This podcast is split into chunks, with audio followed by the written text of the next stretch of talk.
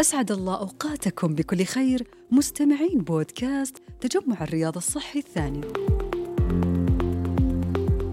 عيادة الطفل السليم هو موضوع حلقتنا وراح يكون معنا للحديث أكثر حول العيادة وأهميتها الدكتورة عواطف المطيري رئيسة قسم طب الأطفال مدينة الملك فهد الطبية والمشرفة على مبادرة عيادة الطفل السليم تجمع الرياض الصحي الثاني. أهلا بك دكتورة. أهلا فيك حياك. إذا تم ذكر عيادة الطفل السليم يتبادر الذهني متابعة التطعيمات والوزن والطول هل هذا هو فقط اللي يقدم في العيادة؟ بالنسبة لهذا المفهوم هو المفهوم الشائع وللأسف هذا مفهوم خاطئ آه، إلى حد ما صحيح التطعيمات ومتابعة الطول والوزن هذا من أهم الأهداف للمبادرة لكن من الأهداف الأخرى المهمة للمبادرة اللي هي آه، الكشف المبكر عن بعض الأمراض التي ممكن كشفها مبكر تدخل يفيد فيها أكثر من الكشف في وقت متأخر. العناصر الأخرى التي تحتاج متابعة من أهمها متابعة النمو التطور الحركي والعقلي للطفل واكتشاف أي خلل في هذه المحاور في المتابعة وللنمو. في حالة اكتشافها سيتم اتخاذ الإجراءات المناسبة لإحالة الطفل. آه، من الأهداف الأخرى اللي هو تقصي أي مشاكل ممكن تحدث للطفل بسبب الإهمال الأسري أو الأذى بكافة أشكاله. دعم التغذية في حالة احتاج الطفل آه، سواء من ناحية نقص نمو أو في الجهة الأخرى زيادة أو إفراط في الوزن آه، وأكيد طبعا متابعة التطعيمات والنمو والوزن والطول. لو قلنا أنت ذكرتي عدة أهداف دكتورة، لكن لو قلنا نبي هدف رئيسي الهدف المجمل, المجمل. إذا قدرنا نقول دعم صحة الطفل لأقصى حد مع التدخل المباشر والمبكر آه، من الأطراف المعنية في حالة إحتاج الطفل للدعم سواء النفسي أو الصحي أو آه، تدخل لا سمح الله جراحي في أو أي منحنيات أخرى. الأطراف المعنية تقصدين فيها الأسرة وال... آه، نقصد فيها سواء طبيب أطفال طبيب أسرة إحالة لمستشفى متخصص أو تدخل جراحي في حالة الاحتياج.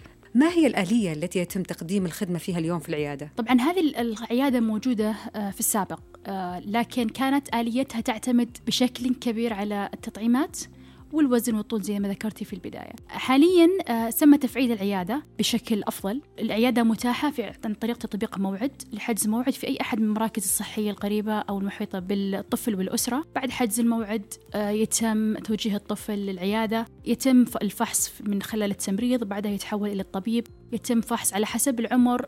هناك جداول محددة للأشياء المطلوبة. سواء قياسات محددة فحص محدد أو في بعض الأحيان تحاليل في المختبر آه وبناء عليها يتم اتخاذ الإجراء اللازم. في حالة احتياج التطعيم طبعا راح تحول الطفل لعيادة التطعيم. عن طريق تطبيق موعد يعني كأني فهمت أنه المراكز هي اللي بالضبط تقدم بالضبط. الرعاية. هي المراكز هي المخولة لتقديم هذه الخدمة. عادة يقوم عليها طبيب أسرة أو طبيب عام. آه في بعض المراكز يتم التحويل إلى طبيب أطفال متخصص في إذا لزم الأمر. وش المراكز؟ إذا تذكري لنا أمثلة مراكز مفعلة اليوم فيها العيادة. آه تقريبا إحنا في هذه المبادرة لدعم صحة الأم والطفل فعلت في أغلب المراكز التابعة للتجمع الصحي الثاني. هناك مجموعة من المراكز في طور البدء لكن متوقع بنهاية 2021 تكون تطبقت في جميع المراكز بشكل فعلي. في الختام دكتورة عواطف ما هو الدور المرجو من الأسرة تجاه طفلهم للاستفادة من برامج العيادة المقدمة. طبعا نتأمل من كل الأسر متابعة المواعيد والالتزام بجدول التطعيمات وجدول المتابعات. اختلف هذا الفعلي الحالي عن السابق أنه متابعة مستمرة إلى عمر 14 سنة وهذا خلاف السابق كان إلى عمر خمس سنوات لما في سن دخول المدرسة التطعيم الأخيرة في سن دخول المدرسة. حاليا راح تكون في متابعات